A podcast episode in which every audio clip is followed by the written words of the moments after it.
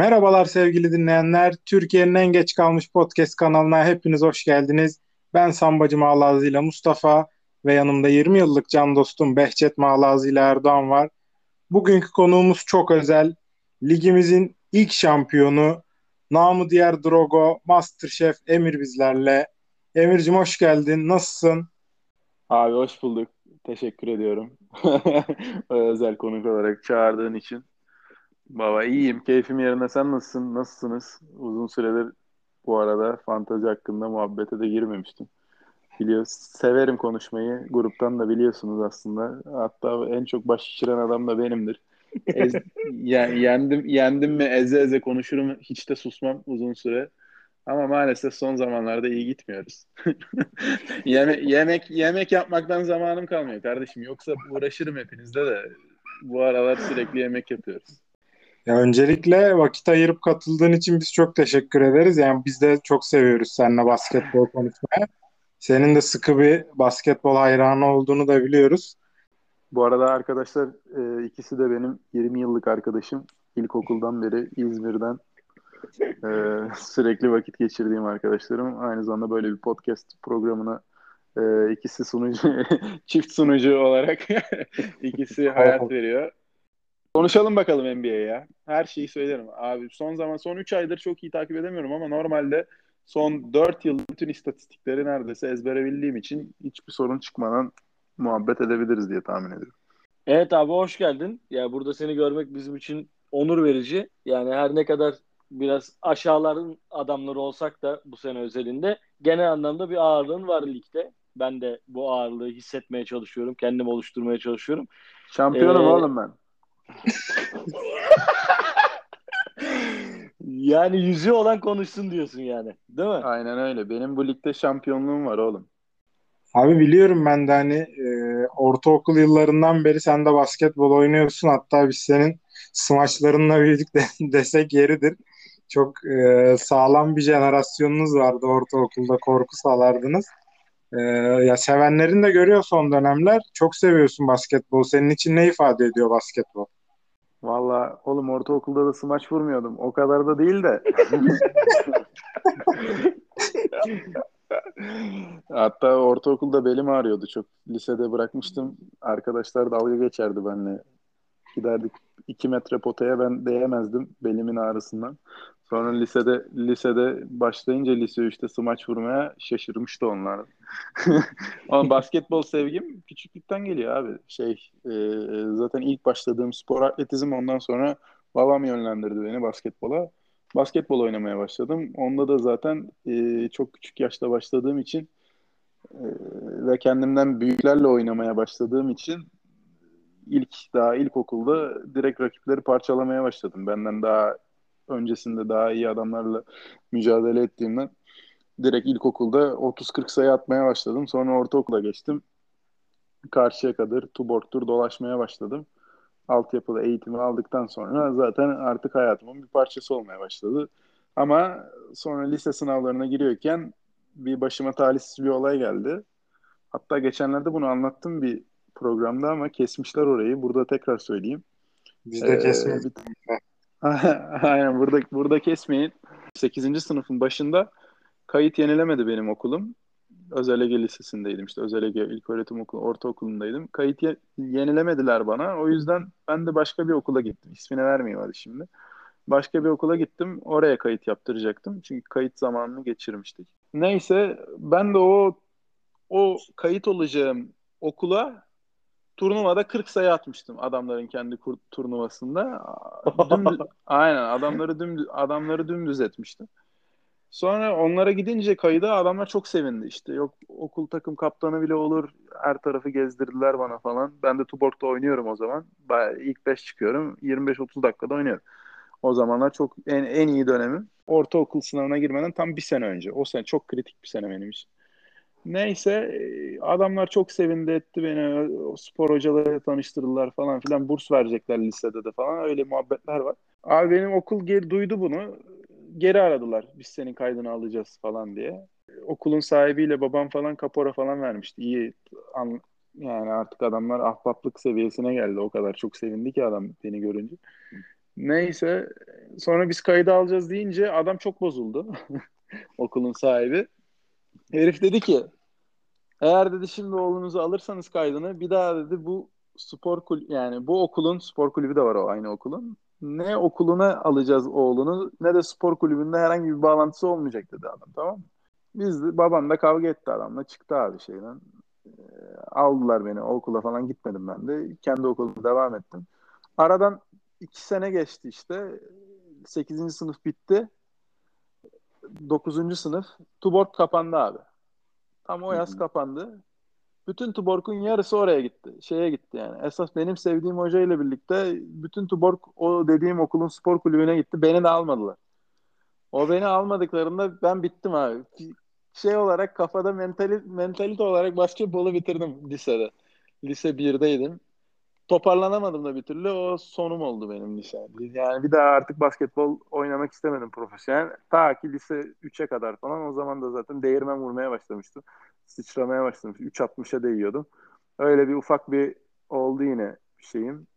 Ee, bir kulüp deneyimim. 9 Eylül diye bir takımdı. Onda da final İzmir'de dördüncü olduk. Finallere çıkamadık. Yani Türkiye şampiyonasına gidemedik. O zaman 5 numara oynamaya başlamıştım.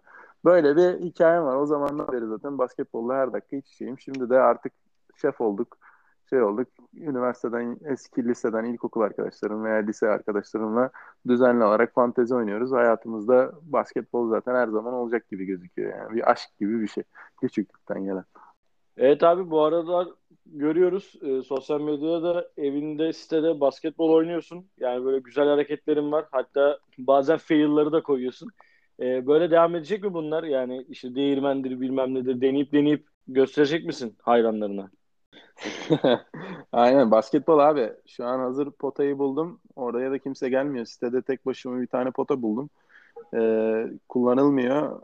Fundamental antrenmanı yapıyorum. Şu pandemi dönemi bittikten sonra sonuçta ben normalde de hep dışarıda oynuyordum zaten street. Ee, gidip gidip bebeleri 98'li 2000'li bebelerin üzerinden smaç vurmaya gidiyordum sahile. en, en sevdiğim aktivitelerden biriydi abi. Ama işte şu an e, pandemi olduğu için öyle çok fazla takım oyunu oynayamıyoruz. O da bir aynı zamanda benim için bir stres atma yöntemi yani. iş yoğun, şey yoğun, bir sporla bir yerden bir çıkması lazım.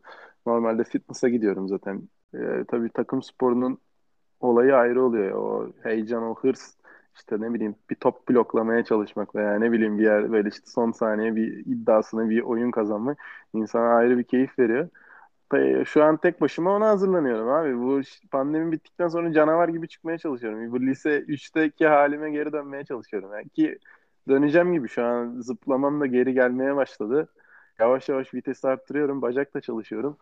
Bir 3.60'a geri gelip bir değirmen vurmaya geri yeniden başlamam lazım. Şu an 26-27'ye giriyorum. Artık yavaştan yaşlanıp yaşlandığımı hissediyorum. Bari şöyle bir 28-29'da tam maksimum dönemime ulaşayım. Ona uğraşıyorum yani. Peki abi tarzını hangi basketbolcuya benzetiyorsun? Böyle değirmenler, bloklar falan deyince bir Zion Williamson gözümüzde canlanıyor ama. Evet bende hafif kalaslık var. Değirmenler, bloklar 1.90 1.90 iken yapılan hani Derrick Rose veya Westbrook gelmiyor akla. Biraz daha Zion geliyor. Çünkü öyle öyle inanılmaz çevik değilim ama fena da değilim. Bir de 5 numara oynuyordum lisede ve üniversitede de neredeyse. O yüzden aynen Zion'a biraz daha benziyorum ya. Oyun tarzı olarak. Olabilir yani. O da çok Gerçi ben şu an son zamanlarda üçlük falan da atmaya başladım. Bilmiyorum. Yani Kend, kendimi övmek gibi olmasın ama son zamanlarda sokmaya başladım yani. Bilemeyeceğim. Kime benziyorsun desen hakikaten düşündüğümde kim ol, kime benzediğimi bilmiyorum ya. Bir şey söyleyemem. Siz daha iyi bilirsiniz abi. Sizin siz oyun stilimi kime benzetiyorsunuz? Ya şimdi çok kısa zamanda ben görmedim senin nasıl oynadığını. Yani eskiden bildiğim kadarıyla biraz da tarzını da sevdiğin için e, bir şeye benzetiyorum ben seni. Bu sonun benzemesinde Kelly Oubre'ye benziyorsun biraz sanki kardeşim. Kelly Oubre'yi beğendim ya. Hoşuma gitti bak. Kelly Oubre benzetmesi çok hoşuma gitti. Tarzını da en sevdiğim basketbolcu Kelly Oubre Jr. Valla müthiş bir müthiş bir atış oldu. Ben sevdim Edu'cum bak biliyorsun. Abi ligin gündemini konuşacağız ama öncesinde şeyi de sormak istiyorum ben. Hızını sevdiğin basketbolcular kimler? Dennis Rodman en sevdiğim adamlardan biri. Dennis Rodman. Yani çok ayrı bir tarzı var zaten. Yani basketbola tarzı getiren oyuncu bile olabilir 90'larda. Değil mi? Yani siz hatırlıyor musunuz öyle bir değişik tabii, tabii. bir tarzlı basketbolcu ondan önce? Yoktu gibi hatırlıyorum ben yani. Tabii canım o zaman NBA'de Dennis Rodman'ın tarzı ve açıklamaları bayağı bir bir devri kapatıp yeni bir devir açtı yani. Çok iddialı açıklamaları, iddialı giyimi vardı. Outfitleri de müthişti bu arada yani. Maç öncesi giyimi harikaydı gerçekten Dennis Rodman'ın. Başka bir isim var mı? Kobe Bryant'ın bir olayı var. Her zaman cool bir heriftir yani. Ne yaparsa yapsın. Adam baktığında istatistiklerini aslında taş atıyormuş. 400 de sallıyor hep ama 50 sayı atıyor. E, baktığında 45 tane top kullanmış, 50 sayı atmış. Biraz sıkıntı aslında ama her zaman cool'dur, winner'dır yani. O yüzden o winner'lığı adama hoş bir hava katıyor bence. O yüzden Kobe diyorum. Jordan zaten greatest of all time abi. Kim ne derse desin. Bence yani en çok saygı duyulması gereken oyuncu Jordan. LeBron James'i ben bir türlü sevemedim hayatım boyunca. Yani seviyorum ama bir eksiklik var adamda yani. Bilmiyorum. İstiyorsa 30 kere şampiyon olsun. Nedense tarzı benim çok hoşuma gitmiyor. Kobe dedik, Jordan dedik. Derrick Rose bence bu bugün de tam bugün şu an bu yani bu kayıt yapılıyorken en genç MVP olmasının üzerine 10 yıl geçmiş. Bence bir daha onun gibisi zor gelir. Keşke ben kendi dizlerimi verseydim, ben basket oynamasaydım, bu adam oynasaydı abi 10 sene. İzlese şu gözler şu gözler Derrick Rose'u basket oynuyorken keşke bir 10 sene daha izleyebilseydi. Çok üzülüyorum yani. Brandon, Brandon Roy'dan sonra Derrick Rose yani Brandon Roy kim bu arada yani Derrick Rose'un yanında? Öyle bir atletizm, bir çeviklik yok yani. Hiç bulamazsın. Gelmeyecek de gibi gözüküyor. Bakalım bekliyoruz ama. Derrick Rose dedim. Ve Kelly Oubre diyorum tabii ki de. Kelly Oubre Jr. Zaten şu an NBA'deki en tarz adam o. Yani 5 oldu galiba. Dennis Rodman, Kelly Oubre, Michael Jordan, Kobe Bryant ve Derrick Rose. Bitti. Benim en tarz beşim bu. Şey Birdman fena değildi. Öyle bir havası vardı. En iyi 6. adamda Birdman'i seçiyorum. Tarz bir elemandı. Kendine has bir tarzı vardı. Cacık gibi oynardı. Bir tek blok koyardı. Ama kendine has bir tarzı vardı. Bir de şeyin de tarzı vardı. Bak Kirilenko'nun da bir tarzı vardı. Arkada evet. yarasa yarası dövmesi vardı. Üstüne full bloktur, asisttir, top çalmaları all round bir oyuncuydu yani. Utah o aralar iyiydi. Mehmet Okur'la birlikte adam iş yapıyordu yani. Playoff contender'ıydı ve finale oyun finale çıkmadı değil mi onlara? Yarı finale falan kadar çıkıyorlardı ama o sezonları iyi geçmişti. Evet güzel bir 5 saydın. 6. ve 7. adamları da sayarak güzel bir yedili oluşturdun. Yani hepsi birbirinden farklı, birbirinden garip tarzda insanlar ama yani özellikle işlerinde e, Derrick Rose hepimizin gerçekten görmek istediği, keşke hep devam etse dediğimiz bir adamdı. Şimdi bizim ligin durumuyla sana devam etmek istiyorum Emir. Birkaç sorum olacak sana. Önce bu sezon draft döneminde sen e, Primetime Master Chef'te yarışmacıydın. E, o arada hatta hatırlıyorum şeydi teknoloji yasağının geldiği senin dünyadan koptuğun evreydi. Bize bir Masterchef çalışanı vasıtasıyla drafta katılacağının haberini verdin. Ve bir dakika kala da drafta geldin çok şükür. Draftını biraz konuşmak istiyorum seninle. Yani birkaç tane adamı almasaydım ya da şunları iyi ki aldım dediğin kişiler kimler abi? Kobe White denen herif. Ne umutlarla onu draft ettim. Abi bütün takım benim kötürüm kaldı. Yine klasik zaten. Ben normalde 3 sezondur sakatlıklardan benim kadar çeken olamaz yani. Abi kimi alsam elimde kaldı ya. Adamın kolu bacağı yok. Yusuf Nurkic denen herif geçen sene bak istatistiklerine ayağını kırdıktan sonra makina gibi oynamış son 15-20 maç. Serbest atışı da düzeltmiş ki ben de Yusuf Nurkic zaten benim eski oyuncum. Sürekli aldığım bir adam. Çok da severim. Hadzomaj mı ne? Bir şey diyor hep sürekli. Bo- boşnak bir adam. Bizde bizde de boş, boşnak tarafı var, anne tarafı. O yüzden adama ka- kanım tutuyor abi. Adamı seviyorum. Yusuf Nurkic'i aldık. ikinci hafta vefat etti. Herif bileği kırıldı. TJ Warren denen adamı aldım. Bubble'da 50 sayı atıyordu herif. Ki bence en iyi fantazi oyuncularından biri elinde olabilecek. Çünkü adam hem blok yapıyor hem top çalıyor. Hayvan gibi sayı atıyor. Üçlüğü de var. Geçen sene top bir ara Bubble'da top 5'te bitirdi zaten. Ligi de yani normal sezonu da top 30 bitirdi diye biliyorum. Çok etkili oynadı yani. Sonra üstüne sonlarda yine 6. çektiğim James Wiseman var.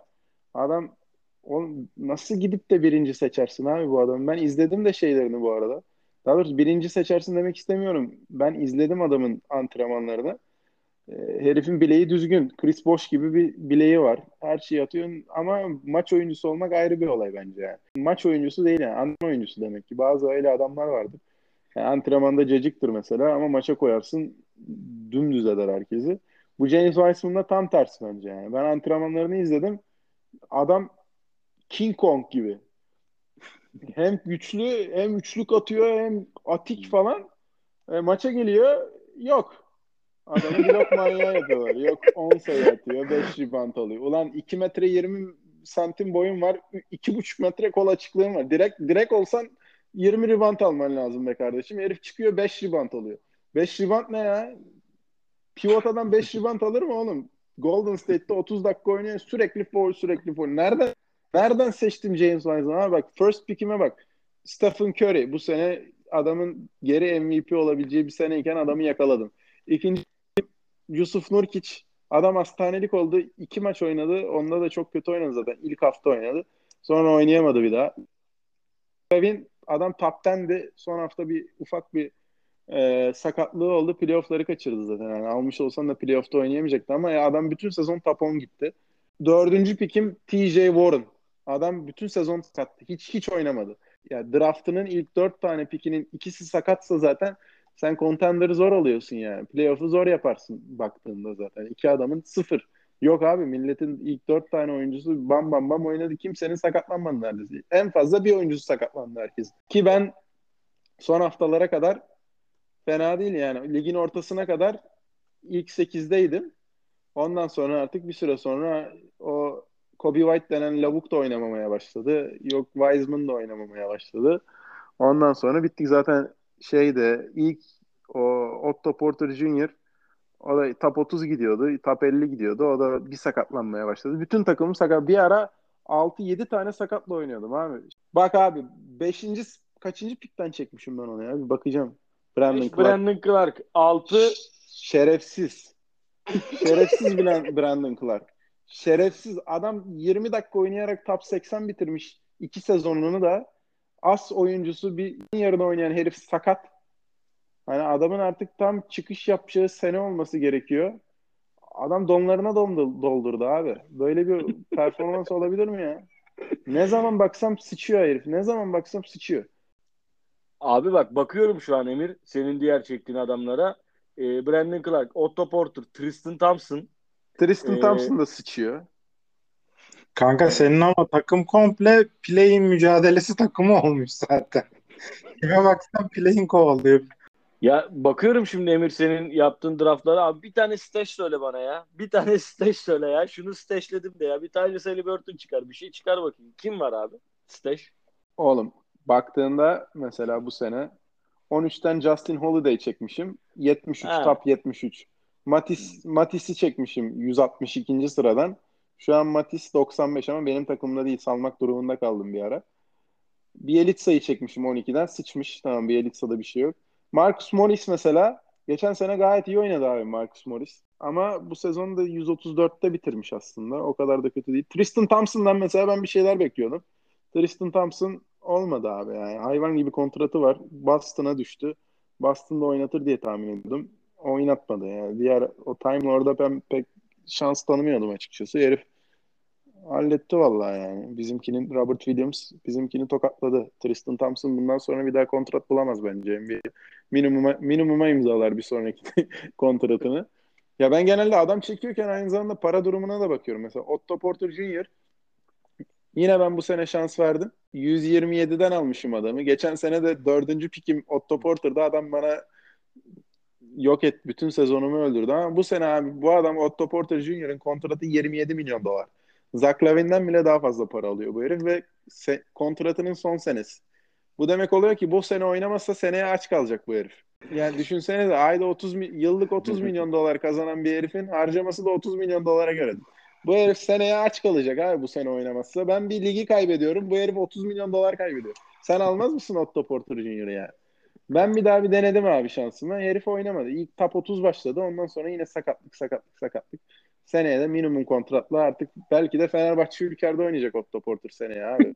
yani ben ona göre attım tutmadı. Brandon Clark bak salladım.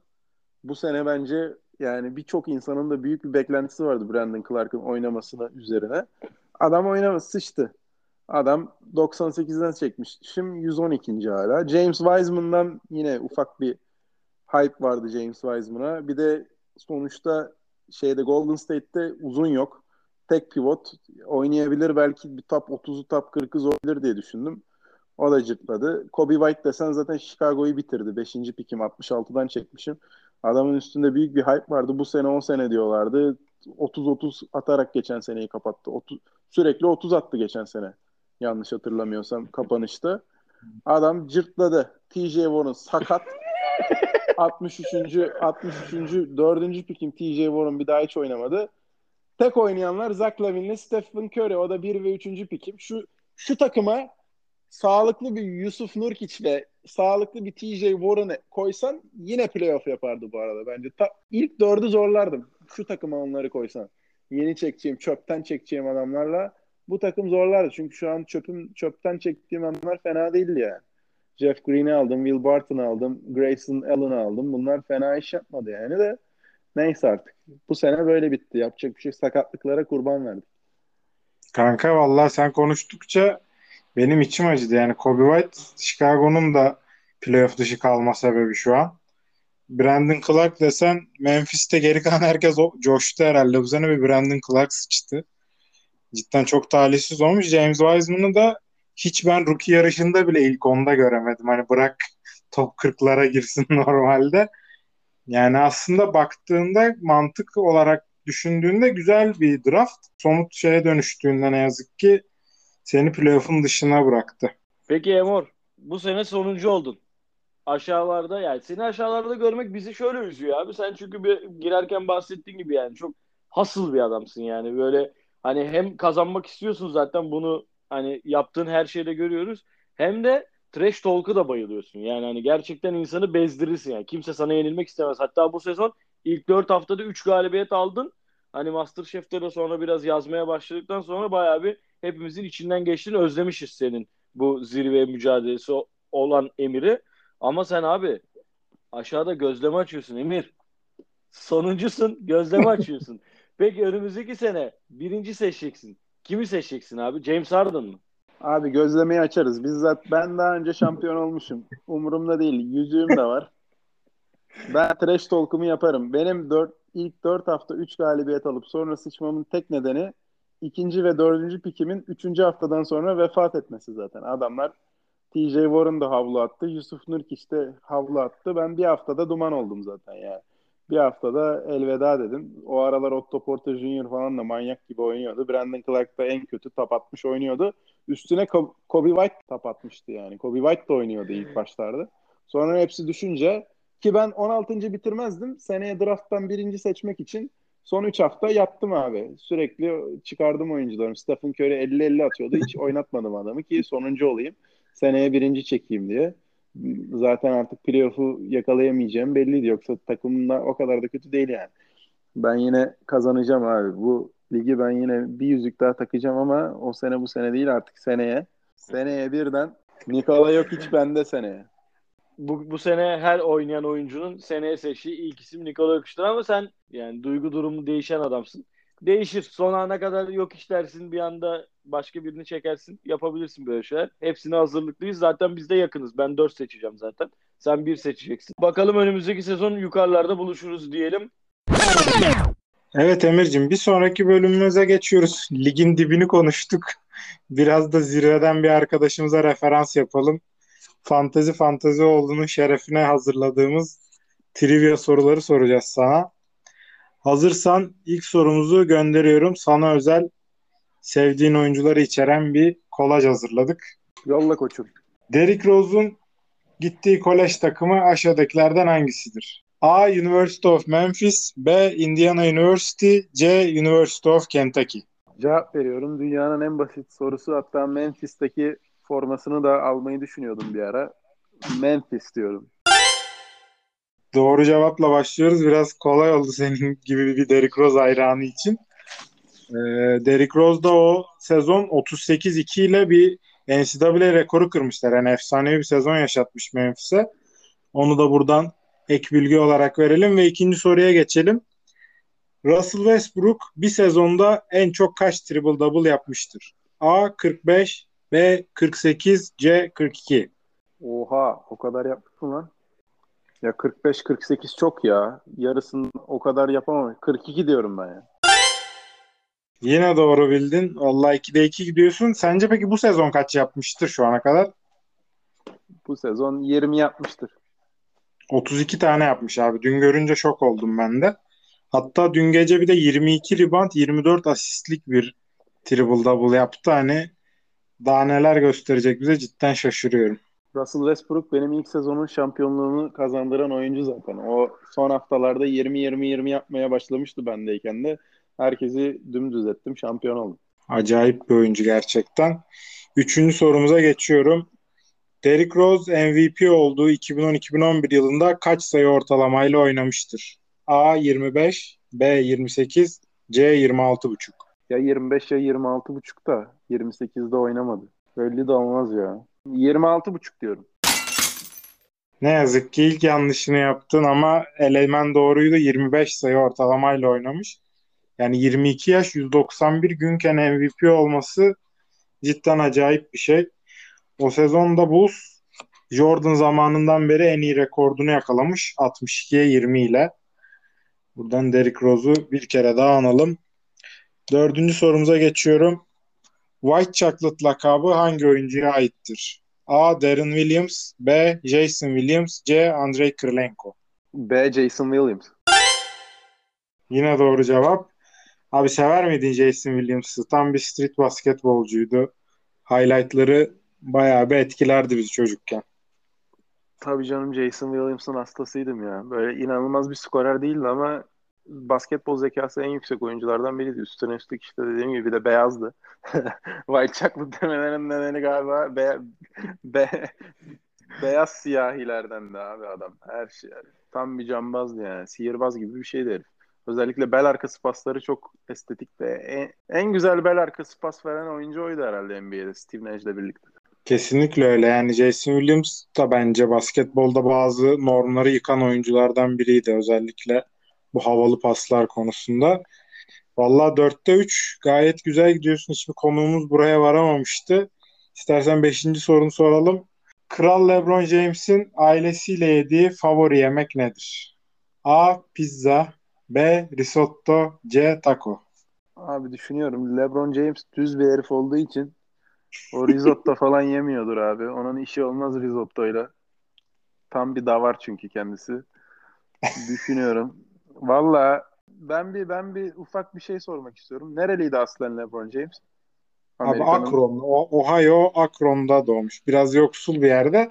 Ama bu sorduğum soru şey, viral olan bir olayı vardı bu yemeğin. Hatta sana şöyle bir ipucu vereyim. Her salı günü LeBron bununla ilgili bir hikaye falan paylaşıyordu sosyal medyada böyle bağıra çağıra. Patentini matentini almaya çalıştığı bir yemek. Ohio Akron'a bir bakayım haritada nerede. Çok yukarıda abi. Bu Hispanik seviye olamaz. O tarafa ulaşamıyor onlar. Ben pizza diyorum.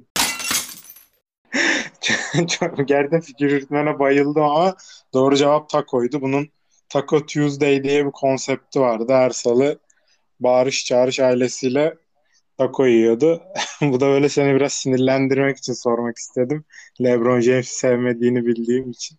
Vallahi iyi yakalamışsın bro ama valla Ohio Akron'dan bu herif nasıl çıkmış takocu? Gerçi taco her yere de yayıldı ya Amerika'da olabilir valla. Ben çok takip etmedim ama onu kaçırmışım yani.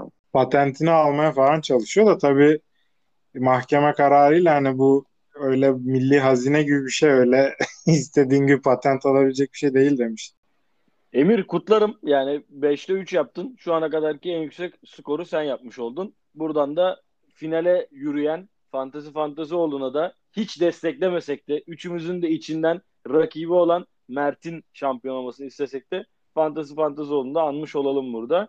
Ve sıradaki bölümümüz haftanın performanslarına geçelim.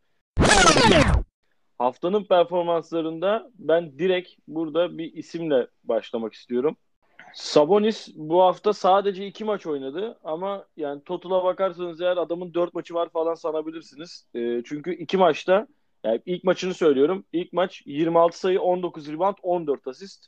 İkinci maç 32 sayı 19 rebound 9 asist 3 steal. Yani iki maçta gerçekten haftanın performanslarında yani zirveye oturmuş diye söylüyorum. Ha gerçi iki maçı OKC ve Washington'a karşı oynamış. Hani pot altları daha zayıf olan rakipler. Ama yaptığı istatistikler ikisine de 19 rebound tutturması muazzam bir başarıydı. Bir süredir de zaten sakattı. Güzel bir dönüş yaşadı. Sabo Reis ne oynamış ya öyle? Ben bilmiyordum. Yuh. Yani gerçekten buna söylenecek bir şey yok abi. 26 sayı 19 rebound 14 asist. Yok hiç misin abi? Buna nasıl bir şey? Bir de şöyle ilk yarı yaptığı statline maç sonu gibiydi. Öyle ilk yarılarda özellikle çok baskın oynadı. Enteresandı. Ben de burada ismini söyleyeyim. Ya bu sene pek konuşamadık sakatlıktan dolayı çok az oynadı ama Kevin Durant e, bu hafta iki, iki maçta 42 sayı attı. Biri Indiana, biri Milwaukee maçıydı. Yani aşı sakatlığından dönen birinin ben bu kadar etkili oynamasını beklemiyordum. Hiçbir şey olmamış gibi dönüyor. Adam belki 30-40 maç kaçırdı. Kaldığı yerden devam ediyor yani. E, bu hafta 4 maçta 33 sayı, 8 rebound, 5 asistlik bir e, ortalaması vardı. Emir sen ne düşünüyorsun? Durant'i sever misin ya da yani Brooklyn'deki rolü nasıl olacak playoff yarışında? Üçlü hiç birlikte oynayamadı ama herkes böyle ufak ufak sekanslar verdi sezon içinde. KD Yılan Reis iyi ya yani abi ben bu arada yani onu draftlamam bir daha. Çünkü yani Achilles tendonu koptuktan sonra türlü türlü garip garip sakatlıklar yaşayabiliyor o tarz oyuncular. O yüzden tam emin değilim hala yani sağlığı konusunda nasıl olur performansı. Şu an iyi oynuyor olsa da zaten KD'nin ölüsü 40 sayı atar bence de e, yine sakatlanabilir. Belli olmaz. O üçlü çok güçlü şu an. Yani dünyanın en iyi takımı şu an bence %100 Brooklyn Nets'tir yani. Hiç LeBron James veya Anthony Davis karşılarında duramaz bence o üçlünün. Üçü birden oynadığı zaman. Göreceğiz bakalım ne olacak. Ben de merakla bekliyorum ne yapacaklar. Ama KD e, her ne kadar patlasa da e, arada 40 sayı 50 sayı atsa da tekrardan sakatlanabilir gibi geliyor bana. Bakalım inşallah sezonu bitirir. Şampiyon olurlar umarım. Ben onları tutuyorum. Dediğin şey çok doğru. İkinci sakatlığı zaten hamstring sakatlığı oldu. Dediğin gibi zayıflayınca Aşil yani başka yerlerine vuruyor. Bence ya önümüzdeki senelerde böyle 4 ilk 4 ilk 5'ten seçilmez gibi. Herkesin bir eli korkar. Ee, daha consistent adamlar çekilir gibi geliyor bana da. Bir sonraki bölümümüzde emekçileri konuşacağız. Biraz daha ligin ikinci seviyesinde olan oyuncuları. Ee, Erdoğan'cığım burada ilk ismini paylaş istersen bizimle. Benim bu sene evladım dediğim e, Dejante Murray burada ismini söylemek istiyorum. Zaten Emir de eski sahibidir. Sever Dejante Murray'i. Bu hafta Derek White'ın sakatlığından sonra iyice Dejante Murray sazı eline almış durumda. Gerçi San Antonio'nun sıkıntıları mevcut. Yani arkadan bir Pelikan bunları dürtüyor. Gerçi iki galibiyet farkları var. Böyle bir açtım fikstürlere baktım da San Antonio'nun işi kolay. Yani işte iki maç Phoenix var, bir maç Brooklyn var, bir maç Utah var. Yani garantilemiş takımlarla son 7 maçında 4-5 tane maçı var. O yüzden sanki San Antonio play'inde kalacak. Ama Dejante Murray için çok mutluyum. Seneye de ya umutlu olarak alacağım Dejante Murray'i eğer önüme düşerse. Çünkü mesela bu hafta o yakaladığı istatistikler ya 24 sayı, 11 rebound, 8 asist 1.7 steal. Steal specialist bir adam ve yani hücum katkısı da çok veriyor. E, reboundu da aldığı için bence çok güzel bir all-round oyuncu. Sen de Emir eski sahibisin. Sever misin? Dejante Murray'e bayılırım ya. O da ama beni korkutuyor. Şey ACL'i kopardığı için daha önce bir acaba dedirtiyor bana draftta. O yüzden uzak durdum ama bu sene performansı gayet iyiydi. Yine bir dönem bir ufak bir sakatlık yaşadı galiba. Sen daha iyi bilirsin ama hı hı. şu an zaten Derek White'ın da sezonu kapamasından sonra manyak gibi oynamaya başlamış. Ama takımı da sıkıntılı birazcık. San Antonio yani ne olur ne biter. Çok yok o takımdan bundan sonra. O yüzden yani playoff seneye mesela alsam ben Dejante Murray'i Yani ben de burada aslında emekçilerin en üstlerinde belki yıldızlara bile sokulabilecek bir isimden bahsetmek istiyorum. Erdoğan Dejante Murray demişken e, ben de şu an San Antonio'nun yani tek yıldıza benzer, yıldıza yakın oyuncusu DeRozan'ın adını bu hafta yazmak istedim buraya. Abi gözüme çarpan şu oldu. Ya zaten çok konuşulan bir oyuncu değil. Sadece skor yapıyor vesaire. Yıllardır eleştiriliyor Toronto zamanından beri. Ama bu sezon asist ortalamasını kariyer ortalamasının iki katına çıkardı.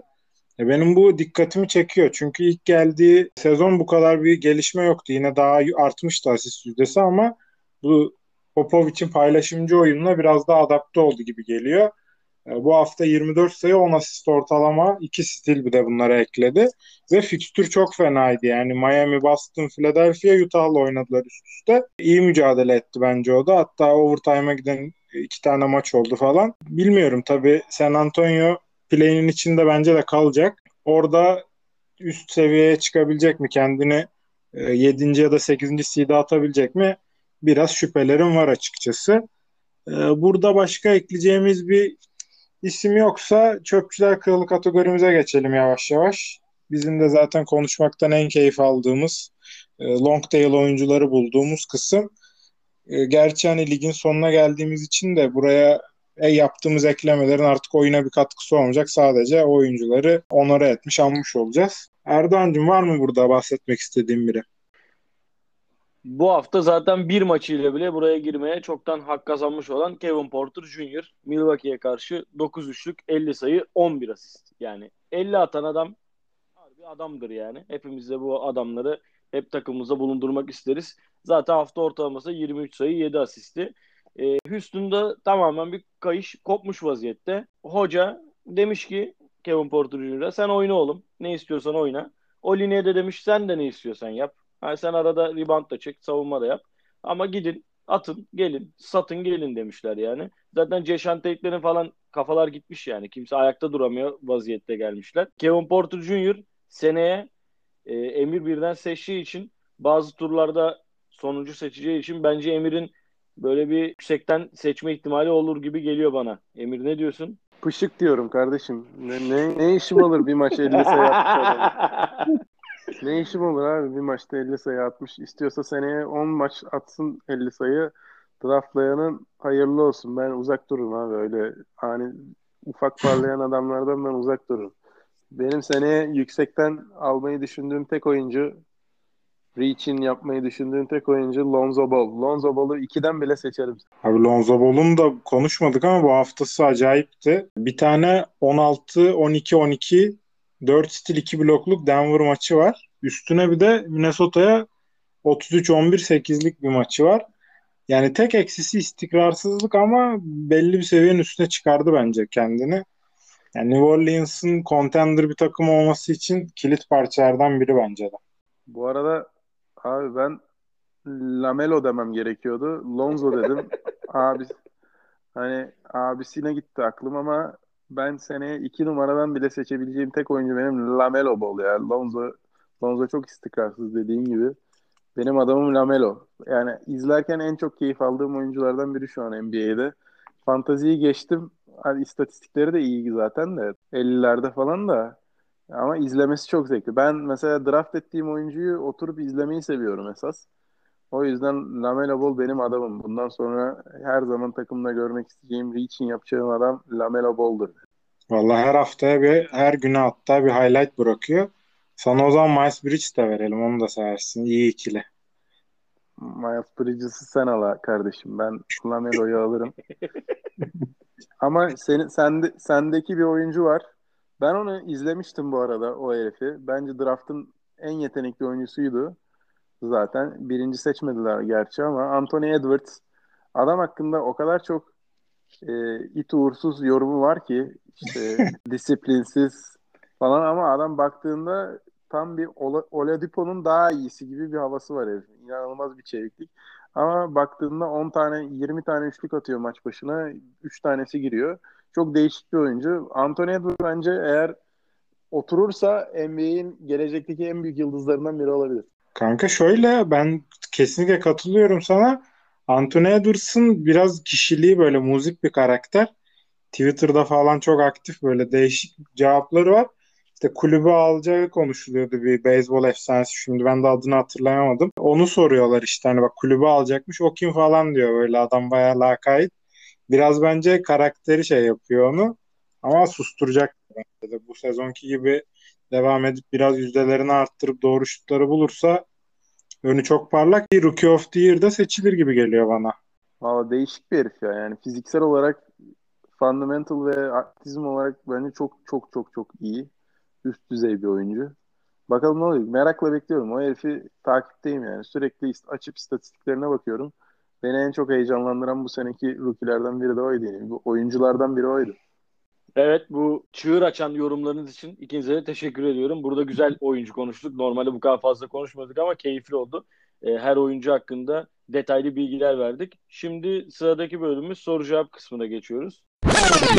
Soru cevap kısmında benim sorum NBA All Time 600 FG tutturup en yüksek sayı ortalamasını yakalayan oyuncu kimdir? Wilt Chamberlain'dir ya %100. Wilt Chamberlain diyorum. Doğru değil. Will Chamberlain bu sıralamada dördüncü sırada. İlk sırada bu sezonki Zion Williamson 27.1 sayı ortalamasıyla 600 FG tutturmuş. İkinci Kevin McHale. Üçüncü Kerim Abdul-Jabbar. Dört Will Chamberlain. Beş Shaquille O'Neal. Şu an Zion eğer 27.1 şu anki ortalaması 26'nın altına düşmediği takdirde bu istatistikte zirveye yakalayacak. Eğer 600 FG'yi de tabii düşürmezse ki düşüreceğe de benzemiyor. Oğlum Wilt Chamberlain nasıl olamamış lan? İm- imkansız ya. Wilt Chamberlain. 600 FG değildir oğlum ortalaması sezonluk. Yakalayamamıştır 600'ü. 600'leri attı bir sene var onda da 24.1 sayı. Yemin ederim. Allah Allah. Olaya bak ya. Yani Erdoğan all time diyerek güzel avladın bizi. Ama ben de çok şaşırdım Will Chamberlain'in bunu başaramamış olmasına. Ee, ben de sıradaki sorumu sorayım. Ee, hatta Emir bu sorunun cevabını e, düşünürken başta bir referans vermiştin. Ee, Kobe Bryant çok fazla field goal kaçırıyor vesaire diye sorum onunla ilgili olacak. Bu sezon en çok field goal kaçıran oyuncuyu soracağım. Kobe 2012'ye kadar hep bu listenin zirvesindeymiş. Ee, ama son bir 2014'ten beri e, liste daha farklı kişilerin eline geçmiş. Sence kimdir bu sezon en çok field goal kaçıran oyuncu? Utanmasam Kobe White diyeceğim kardeşim. Ne zaman baksam adam 20'de 5 attı. Yani Kobe White zaten artık daha fazla kaçırmasın diye adamı yedeğe çektiler. Adamın basketbol kariyeri bitmek üzere. Kobe White değildir. Şaka bir yana. Düşünüyorum. Valla Anthony Edwards olabilir ha şaka maka bu arada. O onun kadar çok top atıp da kaçıran yok gibi bir şey. Düşünüyorum. Westbrook olamaz mı Emir ya? Eski dostun Westbrook. Atmıyor mu tuğlaları? O bu sezon öyle o kadar fazla atmıyor ya. Anthony Edwards da o kadar sallıyordur. O, onun kadar sallıyor bu sene. O ikisi olmayabilir. Westbrook da 2014'ten beri bir Harden bir Westbrook. Full el değiştiriyor bu liste. Westbrook bu sezon ilk 182 sayısını attığında 182 field goal denemesi vardı. Trae, Trae Young da bayağı bir sall sallıyor. Bak o da o da boşaldan, Abi. sıkanlardan. Küçük bir ipucu vereceğim. Kendini logolara saklayan bir adam. Sanıyoruz ki çaf Lillard, şey Lillard mıymış? Vay be. Aynen. Lillard Lillard'mış. ha? Vay be beklemiyordum. Dame, Dame Time'dan beklemiyordum böyle bir şey ya. O genelde atıyor yani. Allah Allah. Bu sene bayağı bir öz eleştiri yapacak şey oldu onun da. Takımı da bir türlü playoff'a sokamıyor rahat rahat. Diyelim e, cevapların için teşekkürler vallahi Emir. Basketbol bilginle bizi hem eskilere götürüyorsun hem günümüz basketbolunu da takip ediyorsun. Hani bu seneyi çok takip edemedim vesaire dedin ama yine maşallahım var. Son kısmımızda da biraz ligin e, son halini konuşacağız. Playoff'lara 6-7 maç kaldı. Hani buradan sonra bazı eşleşme ihtimallerinden konuşacağız. Çünkü finale giden yol hani bu şekilde şekilleniyor ve e, çok garip bir final ikilisi olabilir. Örneğin Batı Konferansı'nda Clippers'la Lakers'ın ilk turda eşleşme durumu var. Ne düşünüyorsunuz bu eşleşme olursa? Dümdüz eder abi. Başka da bir şey olmaz. Kra yani Clippers dayanamaz Lakers'a. Çünkü e, Yani kral, kral ve Anthony Davis'in karşısına çıkamazlar ya bence. O, o ikili değil yani. Onların karşısına çıkabilecek tek takım Brooklyn Nets. Büyük kapışırlar. Bence abi orada o kadar kolay olmayabilir o işler. Yani çünkü hani tamam Kral da Davis de dediğin gibi hani inanılmazlar ama ya böyle süpürme olmaz bence orada. Yani en azından 6 maç o oynanır gibi geliyor bana. Evet bence de 4-2 falan biter zaten yani. Ama Lakers alır diye düşünüyorum ya. Clippers zor. Hiç zannetmiyorum.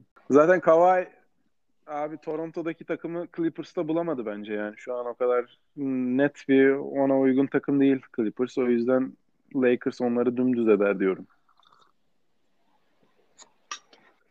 Ben de burada şunu soracağım abi. Bu play-in'ler belli oldu zaten artık. Sadece aralarındaki sıralamalar değişecek gibi duruyor. Ya ben burada play-in'den San Antonio ile Portland'ın çıkacağını düşünüyorum. Hani Golden State ne olursa olsun direnemeyecek bence Portland'da. E, Portland'ın da biraz vites arttırması gerekecek öyle bir rekabet ortaya çıktığında ama günün sonunda Portland defans olayını çözemeyeceği için Phoenix de turlayacaktır orada diye düşünüyorum. Onun dışında ya San Antonio dedim ben Erdoğan ama o tarafa sanki bana Popovic bir şekilde o eşleşmeyi alır gibi geliyor ya. Ne diyorsun? Ya alır çünkü Memphis biraz daha eğer Memphis'le eşleşirlerse Memphis biraz daha yumuşak karın. Ama yani Portland falan gelse San Antonio'ya denk gelse yani orada sıralamada ya Portland bence ezer geçer. Ya Golden State'le de yani çarpışırlar diyeyim ama Memphis'i bence de geçerler. Ya burada hepimiz biliyoruz ki e, yani normal sezonda playofflar arası inanılmaz bir fark oluyor. Oyuncularda konsantrasyon farkı oluyor. Bu senenin iki flash takımı eşleşme ihtimalleri bulunuyor ki hatta yüksek ihtimalle eşleşecekler gibi duruyor. New York'la Atlanta. İkisi de bu sene gerçekten bir peri masalı sunduruyorlar. Sizce onlarla olan playoff serisi nasıl şekillenir? Ee, abi ilk önce şu play-in sorusuna geleyim. Bence Portland aralarındaki en iyi takım. Oradan Portland çıkar zaten kesin. Curry'nin de playoff'ta diğer ikisini, diğer yani Memphis ve San Antonio'yu tokatlayabileceğini düşünüyorum. Portland San Antonio'yu dümdüz eder. Diğer tarafta Chef Curry de Memphis'i dümdüz eder. Ondan sonra San Antonio'ya da bir tokat vurur diye tahmin ediyorum. En kötü en kötü ihtimalle birincinin karşısına Golden State çıkar abi. Oradan da bir tokat yerler diye tahmin ediyorum ama ben Portland ve Golden State diyorum bu yüzden. Diğer tarafa da Atlanta ve New York eşleşmesini yorumlayamam. Çünkü iki takımı da çok takip etmedim. Onda yorumu size bırakıyorum. Yani evet Doğu'da ilk altı sıra aşağı yukarı belli olduğu için eşleşmeler arasında da çok büyük bir değişiklik olmayacak. Ben New York Atlanta'da açıkçası e, Knicks'in defansıyla öne çıkacağını düşünüyorum. Ya bir de Atlanta'ya göre hani geçen hafta da konuşmuştuk Erdoğan bunu hatırlıyorsun. İlk beşi çok iyi Atlanta'nın aslında. Ama bench'ten aldıkları katkı çok istikrarlı değil. İşte Galinari bir var bir yok. Lou Williams'ın ne kadar katkı sağlayacağı belli değil. Trey Young şimdi belli bir süredir e, yoktu işte nasıl formda dönecek mi nasıl olacak oradaki durum biraz karışık. Diğer yanda ise Julius Randle, R.J. Barrett yana yana yaka yaka geliyorlar. Bench'ten gelen bir de oturaklı bir Derrick Rose var. Yani bilmiyorum tabii MVP Derrick Rose inanılmazdı ama ben Rose'un bu karakterini de çok beğendim. Yani New York'un bu geri dönüş hikayesini biraz onun da geri dönüşüyle bağdaştırmak geliyor içimden sürekli. Çok etkili bence verdiği katkı. Yanına bir de Emmanuel Quickly var. Ben New York'un bu seriyi alacağını düşünüyorum. Bir de ligin en düşük yüzdeyle üçlük yiyen takımı New York Knicks. Atlanta'da biraz hani dış şuta bağlı kalıyor bazı durumlarda. O açıdan New York bir adım öndedir bence. Yani doğudaki play'inden de Boston yara yara gelecek gibi görünüyor şu an. Tatum da son haftalar oyuna zaten ağırlığını koyuyor. Orada da şöyle güzel bir eşleşme çıkabilir. Boston Brooklyn. Emir ne düşünüyorsun? Bu seri sence nasıl olur? Durant, Harden, Irving hepsinin sağlıklı olduğu bir senaryoda. 4-0 diyorum. Süpürürler. Boston'da takım değil diyorum üstüne üstlük. Ya abi bence de süpürürler canım. Yani özellikle Brooklyn herkesin beklediği şeyi bence finalden önce bu 3 turu gerçekten böyle 4-0 4-0 bağıra bağıra gelecekler. Yani benim en azından hayalim bu yönde. Ya başarabilecek takım herhangi üçlüden biri olmasa bile diğer ikisi sahada kaldığı sürece Boston zaten hani Tatum'la Jalen Brown'a kendilerine işte iyi istatistik kasacakları 4 maç hediye ederler gibi geliyor bana. Yalnız Harden'sız da 9-9'lar. 9 win 9 lose Brooklyn. Tabii gerçi artık garantiledikleri için de biraz lakayete de bağladıkları noktalar oluyor ama bilmiyorum. Ben yine bastım bir maç alır diyeyim ya. içimize sinsin.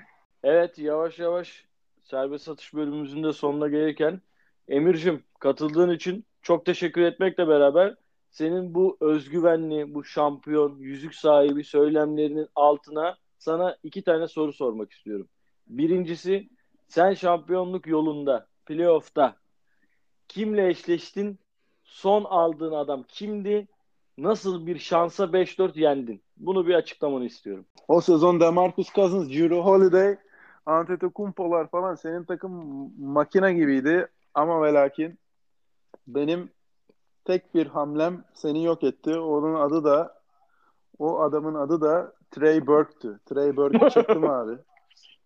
Son hafta. Adam 20 asist yaptı. Ben 8 asist farklı 5-4 kazandım. Ama benim takım abi o, o sezonda şöyle düşün. Ben çöplerin kralı Tyreek Evans'ı almıştım. O sene 25-5 o, o dönem dönmüştü adam yani. İlk, ilk rookie sezonundaki Tyreek Evans oynuyordu. İkinci pikim Jimmy Butler ve üçüncü pikim Joel Embiid olmadan finale çıktık abi. Finalde şampiyon olduk bir de. Bu iki adam yoktu. Üstüne bir de Tyreek Evans da yoktu. Beni şampiyon yapan adam o sene Westbrook oldu işte. O sana sana da 20-20'leri dayamıştı o sezon. O yarı finalde. Bir de Trey Burke eklenince Trey Burke'in 20 sayısı bitirdi. Zaten beni şampiyon yapan diğer oyuncu da o sene bu şu an Fenerbahçe ülkemizin pivotu olan Kyle O'Quinn'di abi. Adamı çekti. Ber, Berda ile bu, sen, bu senenin flash lideri Fantazi Fantazioğlu'yla finalde kapışıyorken bundan 3 sene önce Kyle Quinn hamlesi Berda'nın fişini çekti. Adam 20 sayı 5, 5 blok yaptı 3 maç üst üste. 20 pardon 20 rebound 5 blok yaptı. 3 maç üst üste adam aynı aynı istatistiği yaptı. Çocuk zaten 7-2 kaybetti o sezon şampiyonluğu da Kyle Quinn. Yarı finali Trey Burke, şampiyonluğu da Kyle Quinn getirdi bana. Ama o sezon bu arada o eşleşmede bir kanlı cuma günü vardı ki bir kanlı cuma günü vardı ki ben 7-2 yeniliyordum arkadaşlar. 7-2 yeniliyordum. Bir cuma bir gecede 7-2'den 7-2'ye terse döndürdüm olayı. Bir açtım şeyi. Edu görünce gözünden yaşlar akmıştır. Ağlamıştır çocuk. Bir açtık istatistiği. Aman ne göreyim. Middleton 45 sayı atmış. Yok efendim. Westbrook 40 sayı 20 rebound 20 asist yapmış. Yok Eric Bledsoe 30 sayı 5 steal yapmış. Hani yapmayan yoktu ya. Yapmayan yoktu yani. O gün adamı bitirdi. Yok oldu çocuk. Zaten ondan sonra toparlayamadı. 5-4 bitmesi de yani hikaye. Son dakikalar yakalamıştır da. Normalde o cuma günü bitti işte. Fişi çektik o cuma günü. Kanka valla Toronto da böyle anlatıyordur ya şampiyonluğun iki yıl. Vallahi ben bilmem. Bur- burada iki tane iki tane gözleme ustası yakalamışsınız şampiyonu. Siz yıllar yıllardır burnunuz boktan kurtulmadı kardeşim. Ben yüzüğüm var, yüzüğüm var. Yüzüğüm var. Be- benim yüzük bir yüzük daha olmamasının bende tek ne- tek nedeni sakatlıklar. Acaba benim yap- benim ya- benim seçtiğim draft sakatlanmayınca ne olacak çok merak ediyorum. Seneye birden seçiyorum.